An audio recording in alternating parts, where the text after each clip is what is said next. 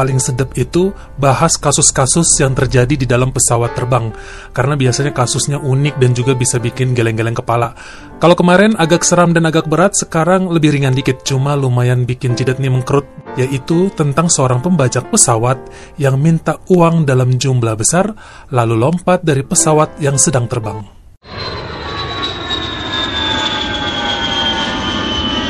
Rabu 24 November 1971, seorang pria membeli tiket pesawat seharga 20 dolar atas nama Dan Cooper, yang kemudian lebih terkenal dengan nama DB Cooper, dengan maskapai Northwest Orient Airlines nomor penerbangan 305 di Bandara Internasional Portland, Oregon, dengan tujuan ke Washington DC, Amerika Serikat. Jadi penerbangannya itu domestik. Menurut petugas bandara dan pramugari, si Dan Cooper ini memiliki tinggi sekitar 180 cm, berkaca berkacamata hitam, usianya sekitar 40 tahun atau lebih, memakai jas yang besar dengan kemeja putih di dalamnya, serta dia juga memakai dasi.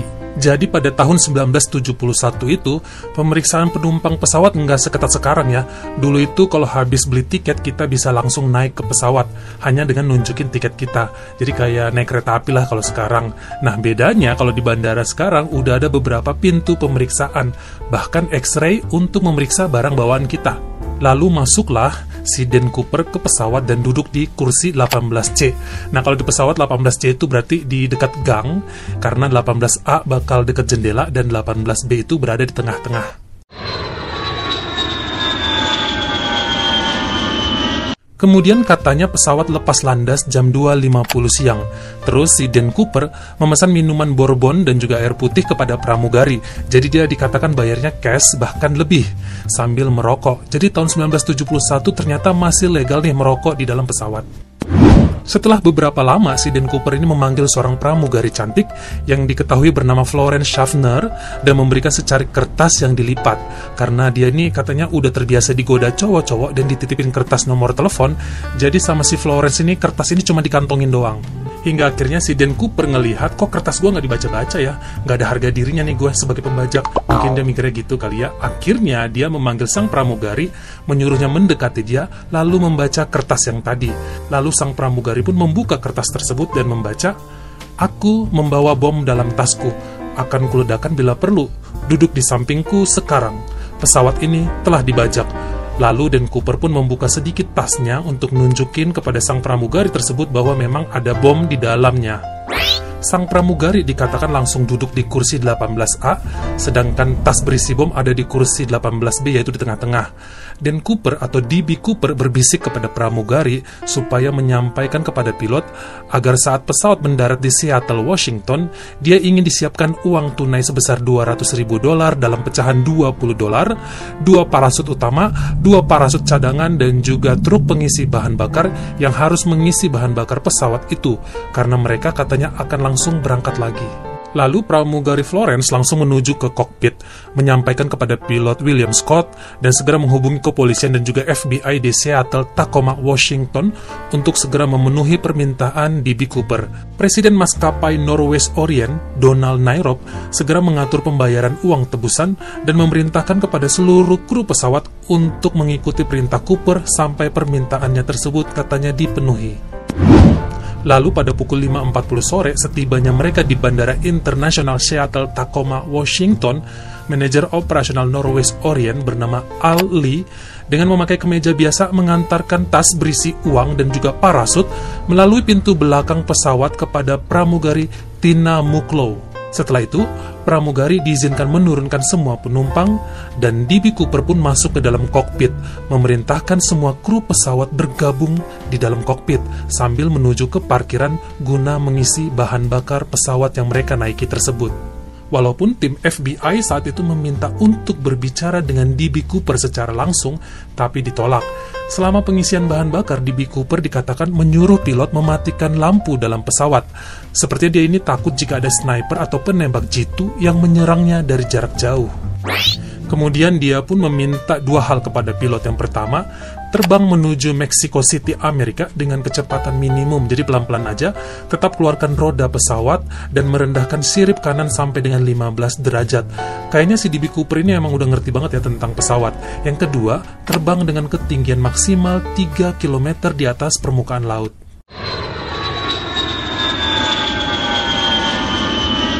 Pada jam 7.40 malam, mereka akhirnya terbang dan ada empat kru yang ikut yaitu pilot, co-pilot, dan juga dua pramugari menuju ke Mexico City. Bahkan katanya mereka ini dikawal dengan lima pesawat tempur militer. Saat udah di udara, semua kru disuruh masuk ke dalam kokpit dan menutup pintu kokpit. Dikatakan pramugari Tina Muklau sempat melihat DB Cooper mulai menggunakan parasut. Lalu sekitar pukul 8.15 malam ada indikator pintu belakang pesawat dibuka dan tekanan dalam pesawat katanya sangat besar sampai terjadi guncangan hebat. Setelah dicek, baru sadar nih bahwa DB Cooper, sang pebajak, telah melompat dari pesawat itu bersama uang 200 ribu dolar dalam pelukannya. Lalu pesawat pun mendarat di Bandara Reno, Nevada pada pukul 10 malam, langsung dikepung pihak kepolisian dan juga FBI. Ya jelas cuma ada para kru saja beserta satu parasut cadangan yang tertinggal dan juga sebuah dasi beserta mansetnya.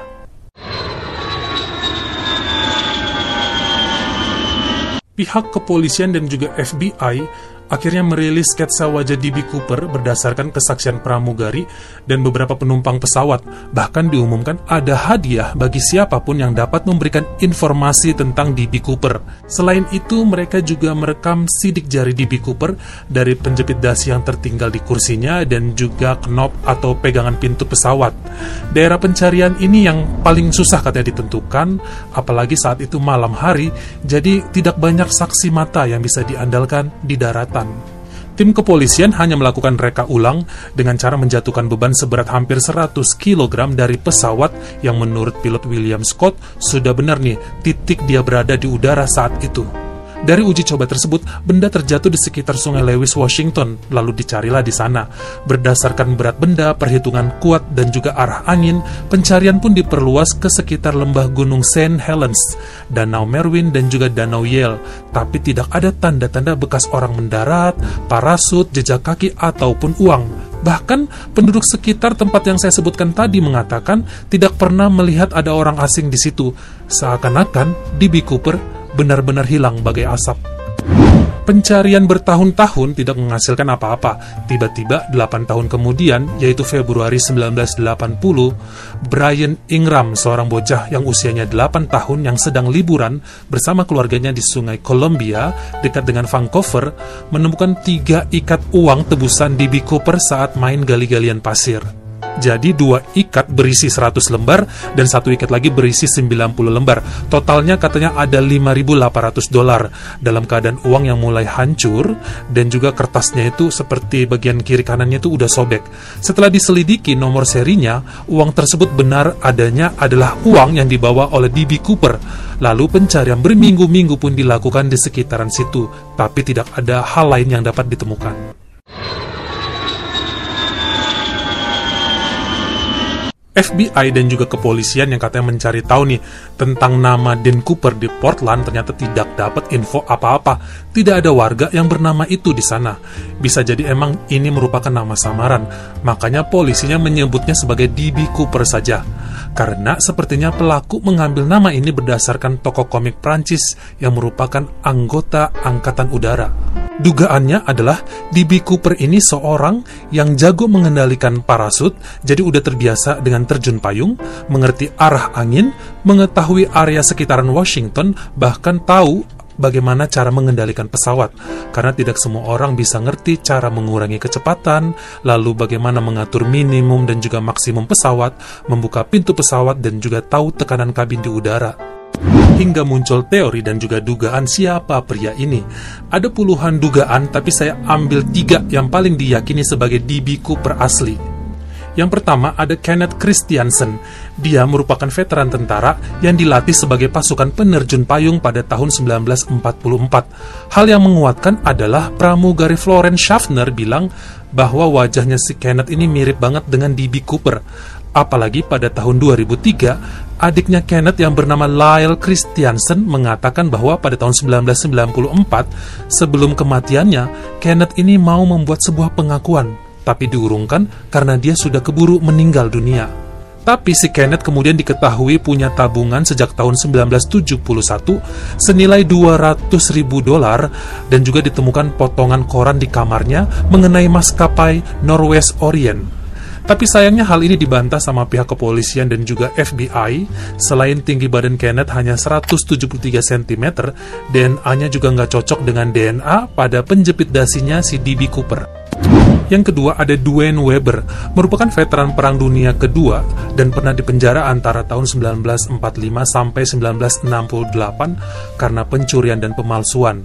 Pada tahun 1995 sebelum dia meninggal dunia, saat masih di rumah sakit, dia ini ngigau di depan istrinya dan mengatakan bahwa dirinya adalah D.B. Cooper. Sang istri kemudian menceritakan hal ini kepada FBI.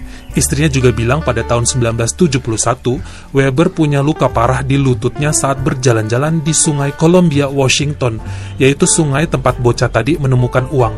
Namun setelah diselidiki lebih dalam, sidik jari Weber berbeda dengan yang ada di pegangan pintu pesawat dan juga DNA-nya tidak cocok dengan yang ada di penjepit dasi D.B. Cooper. Yang ketiga, Robert Rockstraw. Ini yang sebenarnya dipercaya merupakan sosok sebenarnya di balik D.B. Cooper. Selain wajahnya yang mirip banget sama sketsa, Rockstrow juga merupakan mantan pilot helikopter Angkatan Darat Amerika Serikat. Namun dari tahun 1978 hingga 1980, dia dipecat atas tuduhan membunuh ayah tirinya, pencurian pesawat, kepemilikan bahan peledak, dan juga penipuan. Pada tahun 2011, seorang produser televisi yang bernama Thomas Colbert yakin banget bahwa Rockstrow adalah D.B. Cooper yang asli, sampai-sampai dia menyewa 40 detektif untuk menyelidiki hal ini. Berdasarkan penelusuran alibi Rockstrow pada 24 November 1971 dan juga cacat fisiknya, Thomas Colbert yakin dia adalah D.B. Cooper yang asli. Sayangnya nama Robert Rockstrow ini nggak pernah menjadi tersangka, hingga banyak yang yakin ada yang fishy nih. Pasti ada permainan antara kepolisian dengan Rockstrow, apalagi setelah dilaporkan, FBI dan juga kepolisian sepertinya enggan mencari tahu dan juga nggak mau mencocokkan DNA Rockstrow dengan DNA Cooper dari pesawat. Bahkan antara tahun 1971 sampai 1972, Rockstrow ini katanya beli rumah dan juga properti lainnya senilai hampir 200 ribu dolar. Pas ditanya sama Thomas Colbert, kamu ini si D.B. Cooper kan? Si Rockstrow ini cuma menjawab ringan, hmm, bisa jadi. Hingga meninggalnya pada Juli 2019 lalu, Rockstrow tetap tidak tersentuh oleh hukum. Bagaimana menurut kamu? Siapa yang kamu percaya adalah D.B. Cooper asli? Komen di bawah.